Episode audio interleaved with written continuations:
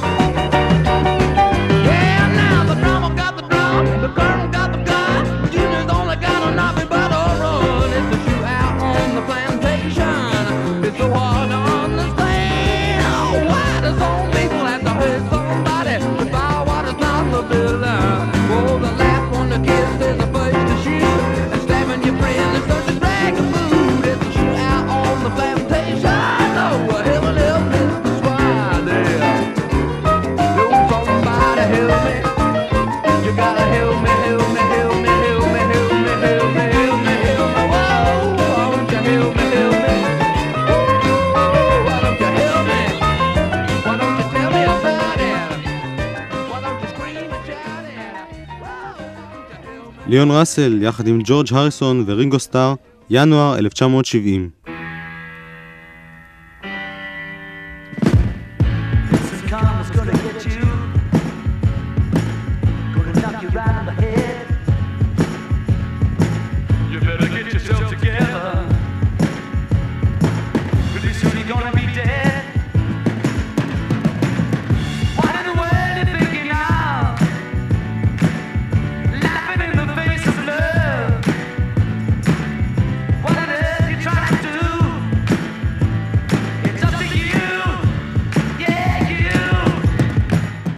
תקופה זו של סיום סיפור החיפושיות לוותה בתחושת עייפות של הבוקר שאחרי, במתחים ומרירות בין חברי הלהקה, בעיקר בין פול ושאר החברים. במשך זמן קצר נראה כאילו הביטלס ימשיכו להתקיים ללא פול, ובמשך שנים אחדות לאחר מכן המשיך הרעיון הזה לשעשע את מעריצי הלהקה. הביטלס לא היו יכולים להתקיים כמובן בלי פול, אך ג'ון, רינגו וג'ורג' המשיכו לשתף פעולה ביניהם גם בהמשך דרכם כסולנים. ב-26 בינואר הקליט ג'ון תקליטון חדש, כסולן עם להקת אונו הפלסטית. הפעם ניגנו בלהקה ג'ורג' הריסון בגיטרה, קלאוס פורמן בבאס, בילי פרסטון באורגן ואלן וייט בתופים. ג'ון כתב את השיר, הלחין, הקליט ובישל אותו ביום אחד. השיר נקרא Instant Karma, גמול מיידי. המילה קרמה לקוחה מהשפה ההודית סנסקריט, ופירושה בבודהיזם אופי התנהגותו של אדם באחד מגלגוליו, הקובע את גורלו בגלגול הבא, גמול, שכר ועונש. ג'ון נזכר. בשנות ה-60 כולם דיברו על קרמה. לי נראה שהקרמה היא מיידית, ממש כפי שהיא משפיעה על החיים שלך בעתיד או בעבר. יש תגובה אמיתית למה שאתה עושה בהווה, וכדאי לאנשים לשים לב לכך. אני הייתי מוקסם מפרסומות ויחסי ציבור כצורה אומנותית. הרעיון של instant karma היה כמו הרעיון של instant coffee. להציג את הנושא במסגרת חדשה. אהבתי לעשות את זה. כתבתי את השיר בבוקר על הפסנתר, ושרתי את זה כל היום במשרד. ואז חשבתי, למה שלא אשכור אולפן ואקליט את זה? פיל ספקטור עזר לי בהפקה. הוא שאל איזה צליל אני רוצה, ואמרתי לו צליל שנות החמישים, ובום, תוך כמה דקות הקלטנו את זה. אפילו באמת גדול, לא אכפת לו לבזבז זמן על סטריאו ודברים כאלה, אכפת לו שזה יישמע טוב, וזהו. Instant Karma, גמול מיידי, ג'ון לנון עם להקת אונו הפלסטית, ובהפקתו של פיל ספקטור. על התקליטון נכתב play loud, לנגן חזק.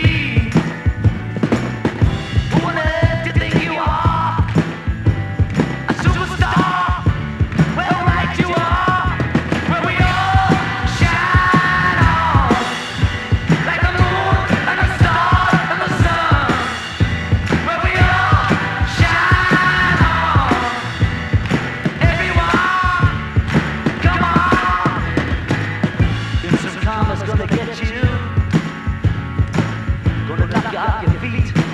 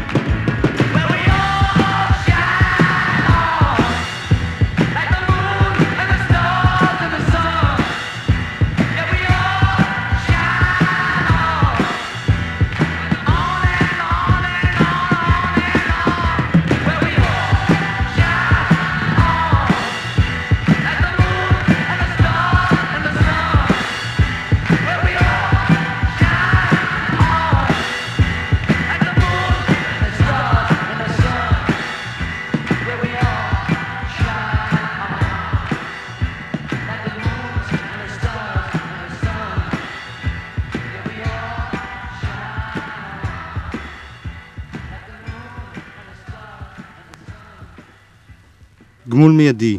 נכתב והוקלט בסוף ינואר, יצא לאור בשישי בפברואר.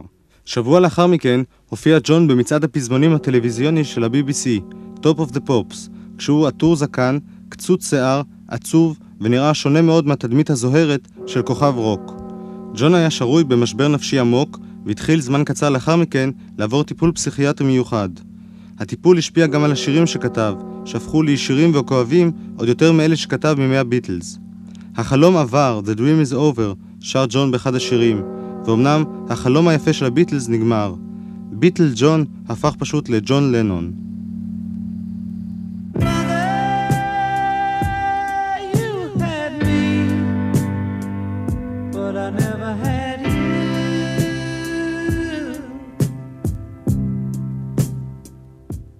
Mother, אמא, שיר שכתב ג'ון בתקופת הטיפול הנפשי שעבר בתחילת 1970.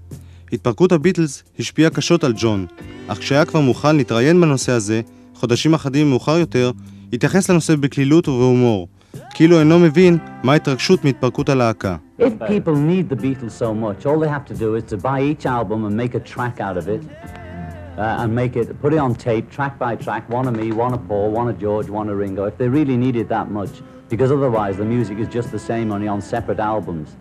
Instead of having the White Album or Abbey Road, where I sing a song, George sings a song, Paul sings a song, Ringo sings a song, one, one, one, one, like that, we, have, we make an album each, that's the only difference, and it's far better music because we're not suppressed. In the Beatles, we had, by the time the Beatles were at, at their peak, we were c- cutting each other down to size. We were limiting our capacity to write and perform by having to fit it into some kind of format. And that's why it caused trouble. אם אנשים צריכים את הביטלס כל כך, כל מה שעליהם לעשות זה לקנות את אלבומי הסולו שלנו, ולהקליט שיר שלי, שיר של פול, שיר של ג'ורג' ואחד של רינגו, אם הם צריכים את זה כל כך, כי המוזיקה היא אותה מוזיקה. במקום האלבום הלבן, או דרך אבי, שבהם אני שר שיר, פול שר שיר וכדומה, יש לנו עכשיו אלבומי סולו. זה כל ההבדל. וזו מוסיקה הרבה יותר טובה, כי אנחנו לא כל כך לחוצים. כשהביטלס היו בשיאם, ממש הגבלנו אחד את השני. הגבלנו את היכולת שלנו לכתוב ולבצע, כיוון שהיינו חייבים להתאים את עצמנו למסגרת קבועה, וזה גרם לצרות. That's why I brought out the Plastic Ono band originally, to di- differentiate. That's me. That's my band. You know, it might be non-existent and it might vary every time you see us, but that's what I'm playing with. That's what I am. זוהי הסיבה שהקמתי את להקת אונו הפלסטית, במקור, כדי להבדיל. זה אני, זוהי הלהקה שלי. היא אולי לא קיימת, ואולי משתנה בכל פעם שאתם רואים אותה, אבל זו הלהקה שאני מנגן איתה. זה מה שאני. We were naive enough to let people come between us, and that's what happened, you know. But it was happening anyway. I don't mean Yoko, I mean businessmen. You know. I was married from before the Beatles left Liverpool. That made no, never made any difference. It has nothing to do with wives. If it is Yoko and Linda's fault for breaking up the Beatles, can they have the credit for the great music that each of us have made individually? How can uh, two women split up four strong men? It's impossible. You know, Well, the some- Beatles some were disintegrating might- slowly some- after yeah. Brian Epstein died. It was a slow death, and it was happening. It's evident in Let It Be. It was evident in, in India when George and I stayed there and Paul and Ringo left, and it was evident on the White Album. You know, it's it's just natural. It's not a great disaster. People keep talking about it as if it's the end of the earth. It's only a rock group that split up. It's nothing important. You know, you have all the old records there if you want to reminisce. היינו תמימים מספיק לתת לאנשים להיכנס בינינו, ואני לא מתכוון ליוקו, אלא לאנשי עסקים. אני הייתי נשוי עוד לפני שהביטלס עזבו את ליברפול, וזה לא יצר שום הבדל. אין לפירוק שלנו שום קשר לנשים. אם מאשימים את יוקו ולינדה בפירוק הלהקה, צריכים לתת להם גם קרדיט על המוזיקה הנהדרת שאנחנו עושים כסולנים. איך יכולות שתי נשים לגרום לפירוד בין ארבעה גברים חזקים? הביטלס שקעו באיטיות אחרי מותו של בריאן אפשטיין. זה היה מוות איטי, וזה נראה לעין ב-Let It Be, וזה בלט בהודו כשג'ורג' ואני נשארנו שם, ופול ורינגו עזבו, וזה בולט באלבום הלבן. זה דבר טבעי, זה לא אסון גדול. אנשים ממשיכים לדבר על זה כאילו זה סוף העולם. זו רק להקת רוק שמתפרקת, זה לא משהו חשוב. יש לכם את כל התקליטים הישנים אם אתם רוצים להיזכר? I told people 20 years ago, whenever it was, I'm not going to be singing She Loves You when I'm 30. I was 30 last year, and it was then when I broke the band up. Or I decided to leave, I don't know when they decided to leave, whatever, that's when it happened.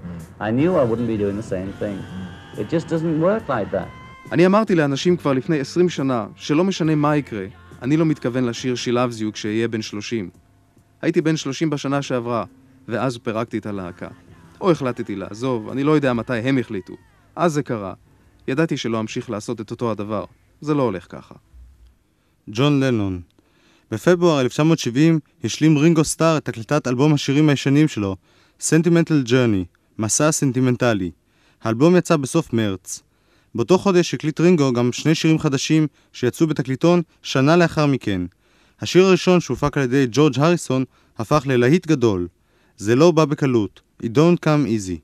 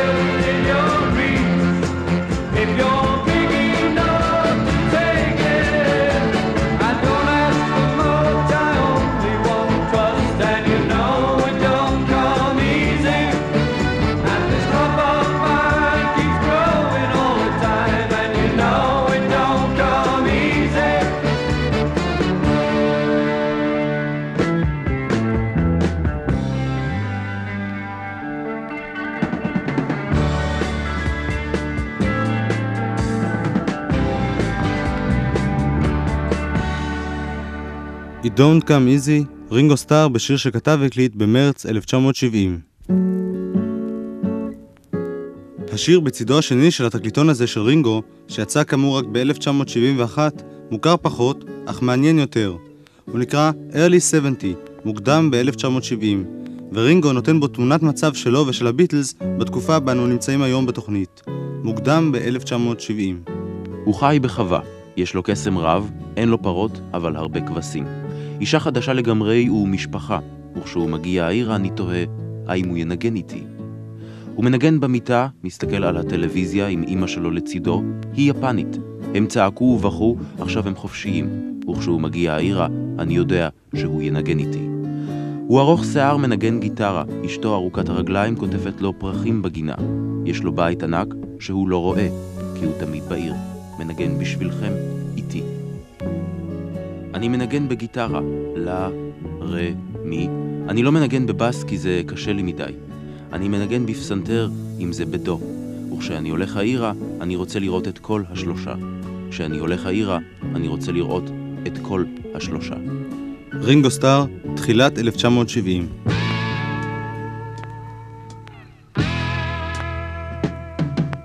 Lives on a farm, got plenty of charm, beep beep.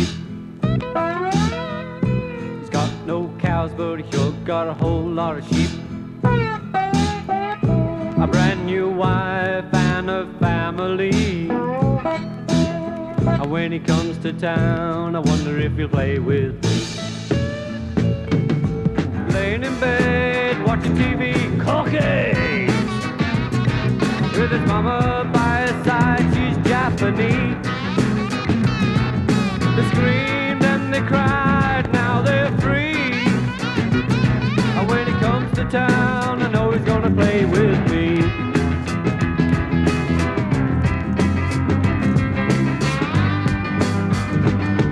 He's a long-haired, cross-legged guitar picker.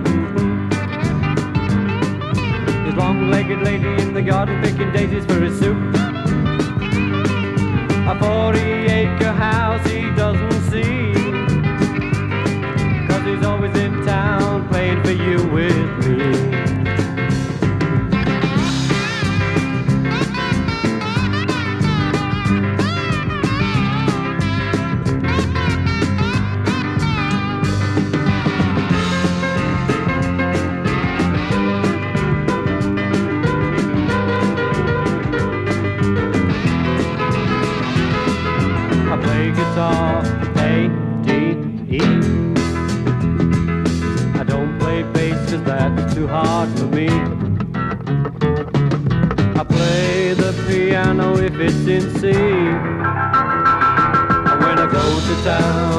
wanna see all three. And when I go to town, I wanna see all three.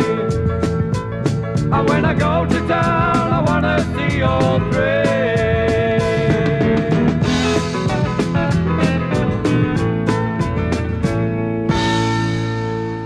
Early 70, רינגו סטאר, געגועים לביטלס, מרץ 1970. When I find myself in times of trouble, Mother Mary comes to me, speaking words of wisdom, let it be. באותה תקופה הוצאו ההקלטות של Let It Be ממחסני אולפני ההקלטה כדי להגיע סוף סוף לאלבום. אלן קליין, אמרגן הביטלס, מכר את הסרט Get Back או Let It Be לחברת United Artists ורצה לתאם בין יציאת הסרט למסקים ובין הוצאת אלבום חדש של הביטלס. מאחר שהביטלס לא התעניינו יותר בפרויקט הכושל הזה, הביא קליין מאמריקה את אחד המפיקים הנודעים של ראשית שנות ה-60, פיל ספקטור. לפני ספקטור, ניסה טכנאי בשם גלין ג'ונס להציל את ההקלטות, אך נכשל. ספקטור לקח את ההקלטות המקוריות של הביטלס והפיק אותן מחדש, כשהוא בוחר בין קטעי החזרות, האלתורים והבדיחות את אלה שנשמעו לו כטובים ביותר, ומוסיף עליהם עיבודים ענקיים של כלי מיתר וקולות רקע, בניגוד לדעת הביטלס. פיל ספקטור עבד על הפקת האלבום Let It Be במרץ 1970. בתחילת אותו חודש יצא לשוק תקליטון חדש של הביטלס, השיר Let It Be, שיהיה. הגרסה בתקליטון שונה מזו שהופיעה אחר כך בעריך הנגן. כאן בתקליטון היא בהפקתו המקורית של ג'ורג' מרטין, וזוהי בעצם המזכרת הרשמית היחידה מההקלטות הרבות שנעשו בינואר 69. שאר ההקלטות הופיעו רק בתקליטים לבנים. פול מקארטני והביטלס, Let It Be.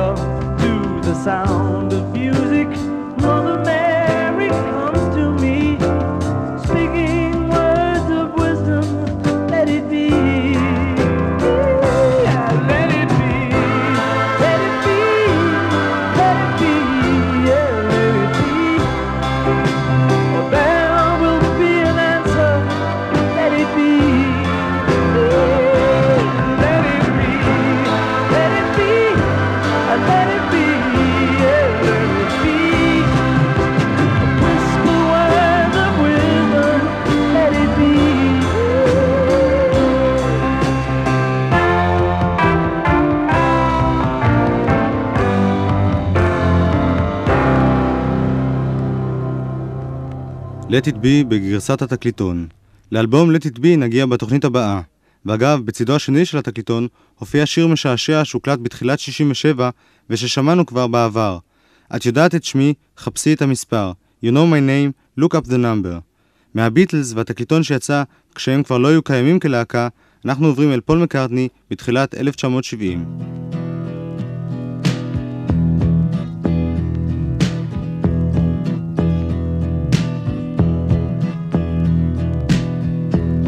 Every night I just wanna go out, get out of my head.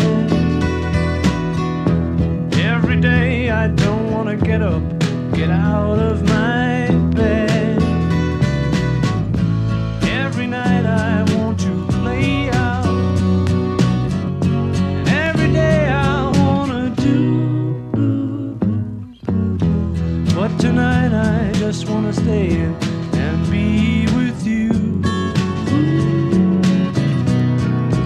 Be with you.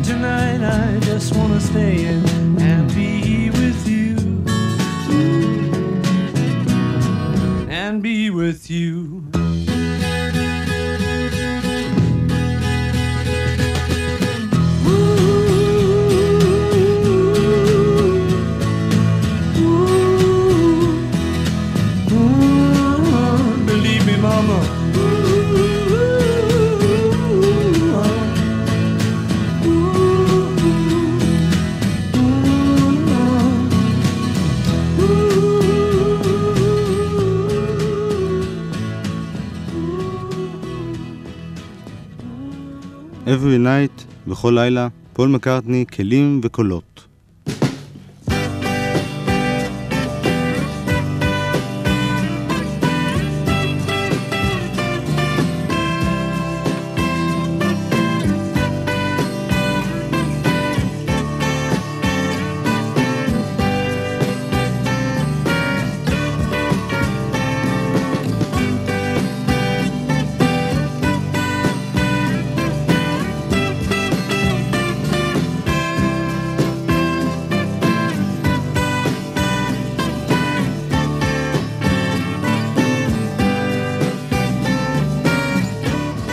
במרץ 1970 השלים פול מקארטני את הקלטת אלבום הסולו שלו, שקטעים מתוכו אנחנו שומעים עכשיו.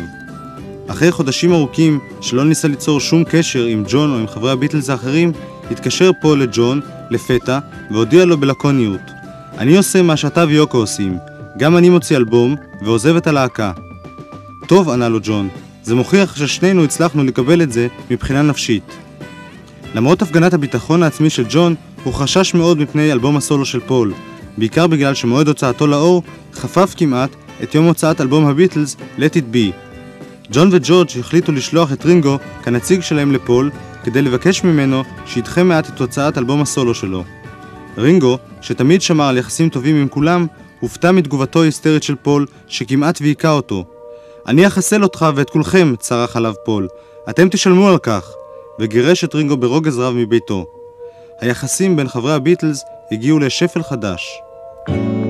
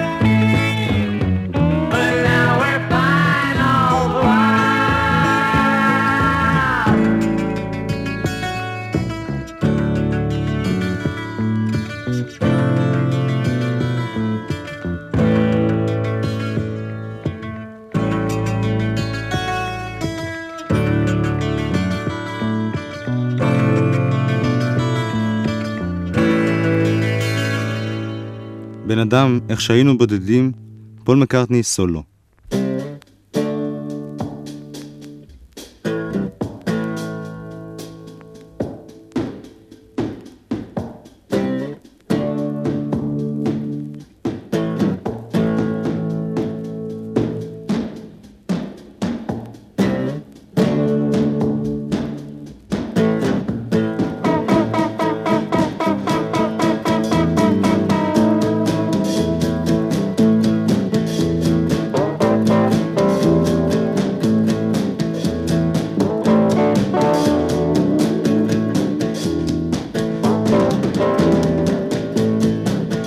אלבום הסולו של פול מקארטני הושלם כאמור במרץ 1970. פול התראיין באותו חודש ונשאל גם על עתיד הלהקה. למרות שידע שהביטלס כבר לא קיימים, ולמרות שידע שהוא החל למעשה כבר לעבוד כסולן, לא היה פול מוכן להודות עדיין בהתפרקות הביטלס. לשאלה מה יקרה לביטלס בעתיד, השיב I don't know, you know, I've never known. I didn't know that when we were playing at the Cavern that we'd be on the Royal Variety performance. And after that, all the papers said, well, what what's left for them? So then we went to America. I said, what's left for them then? You know, and we got into making better albums and stuff. I mean, I just don't know what's going to happen. It'll be all right though. אני לא יודע. אף פעם לא ידעתי. לא ידעתי כשניגענו בקוורן שנהיה במופע המלכותי. אחר כך כל העיתונים אמרו, מה נשאר להם? אז הלכנו לאמריקה, ושוב אמרו, מה נשאר להם עכשיו לעשות? ואז התחלנו לעשות אלבומים טובים יותר. אני לא יודע מה יקרה לנו. זה יהיה בסדר.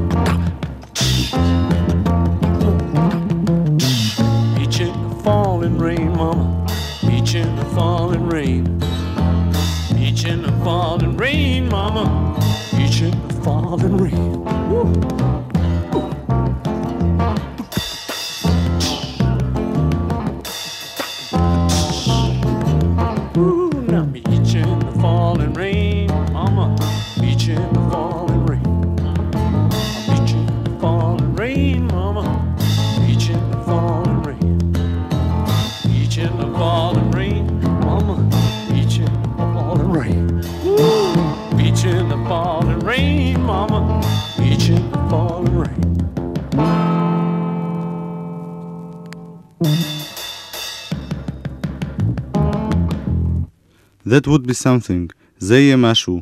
פול מקארטני באלבום סולו שהוא כתב וניגן בכל הכלים. להזכירכם, חלק מהשירים באלבום הזה נכתבו עוד לפני 1970, כמו למשל Junk ו Teddy Boy, ואותם שמענו כבר בתוכניות הקודמות. היום אני משמיע רק את השירים החדשים שכתב מקארטני לאלבום. הקטע הבא נקרא "או יו", הו את.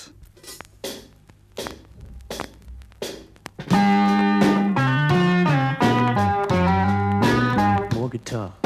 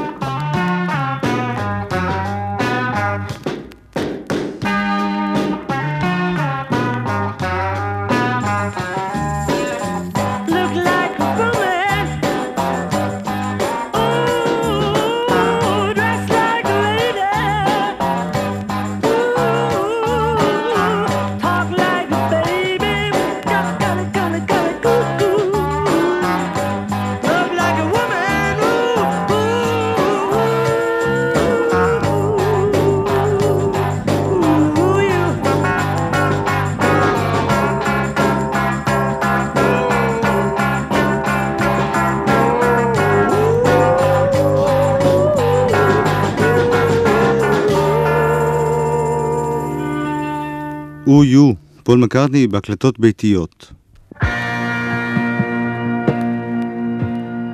על רקע ניסיונותיו של פול להוכיח את יכולתו כמתופף, נחזור אל רינגו. למרות שרינגו גורש בבושת פנים מביתו של פול, הוא הוכיח את אופיו הטוב והמשיך לתווך בין פול, ג'ורג' וג'ון. רינגו שכנע לבסוף את ג'ון להסכים לדרישותיו של פול. הוצאת האלבום Sentimental Journey הוקדמה, הוצאת Let It Be נדחתה, ופול קיבל את התאריך שרצה להוצאת אלבום הסולו שלו, ה-17 באפריל. הוצאת אלבום הסולו של פול הפכה לנקודת הסיום של סיפור הביטלס. פול החליט שהדרך הטובה ביותר לדחוף את האלבום שלו היא להודיע פשוט על פירוק הלהקה. באמצע אפריל 1970, כשיצא אלבום מקארטני, צורף אליו דף מודפס, ובו רעיון עיתונאי שערך פול עם עצמו. פול מקארטני שאל, פול מקארטני השיב. שאלה, האם כל השירים האלה נכתבו על ידי פול מקארטני לבדו? תשובה, כן אדוני. שאלה, האם נהנית לעבוד כסולן? תשובה, מאוד מאוד. הייתי צריך לשאול רק את עצמי ולהסכים רק איתי. ואגב, גם לינדה משתתפת באלבום. האלבום הזה היה מוסתר מעיני הציבור עד שכמעט היה מושלם. האם זה היה בכוונה תחילה? כן, בגלל שבדרך כלל אלבום הופך להיות ישן לפני שהוא יוצא לאור. למשל תראה את Get Back. שאלה, האם תוכל לתאר לי את המבנה או ההרגשה של האלבום במילים ספורות? תשובה, בית, משפחה, אהבה. האם פול ולינדה יהפכו לג'ון ויוקו? תשובה, לא, הם יהפכו לפול ולינדה. שאלה, האם זה נכון שאלן קליין והחברה שלו לא קשורים כלל להפקה והפצה של האלבום? תשובה, לא, אם זה יהיה תלוי בי. שאלה, מהם היחסים שלך עם אלן קליין? אין יחסים. אני לא מתקשר איתו והוא לא מייצג אותי בשום צורה. מה אתה מרגיש לגבי מבצעי השלום של ג'ון, להקת אונו הפלסטית, החזרת המדליות, ההשפעה של יוקו? תשובה, אני אוהב את ג'ון ומעריך את מה שהוא עושה, זה לא גורם לי שום הנאה. האם אתה מתכנן הפקת אלבום חדש או תקליטון חדש עם החיפושיות? תשובה, לא. שאלה, האם האלבום הזה מהווה פרישה מהחיפושיות והתחלת קריירת סולו? תשובה, הזמן יגיד. זהו אלבום סולו, והוא מתחיל קריירת סולו. שאלה, האם פרישתך מהחיפושיות, אם זמנית או תמידית, נובעת uh, מאי הסכמה אישית או מקצועית? תשובה, בעיות אישיות, בעיות עסקיות, בעיות מוסיקליות, ויותר מכל בגלל שאני נהנה יותר עם המשפחה שלי. באופן קבוע או זמני, אני לא יודע. שאלה, האם אתה חוזה זמן שבו לנון ומקארטני יחזרו לשתף פעולה בכתיבת שירים? לא. האם התגעגעת לחיפושיות ולג'ורג' מרטין? האם היו רגעים שקיווית למשל שרינגו יתופף בקטע? תשובה, לא. פול מקארטני, בריאיון עצמי, אפריל 1970.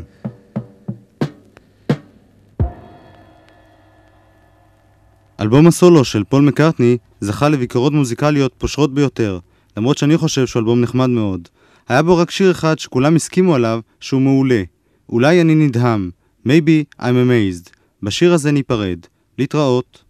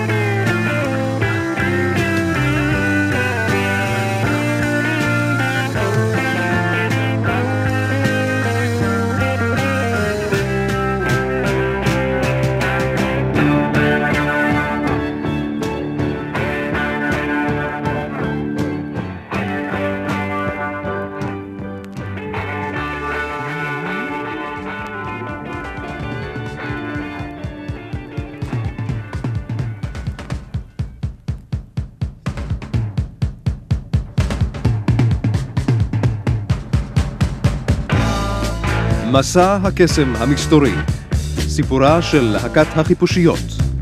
סדרת תוכניות בעריכת יואב קוטנר. ביצוע טכני דורון זאב. בתוכנית הבאה, שיהיה, let it be.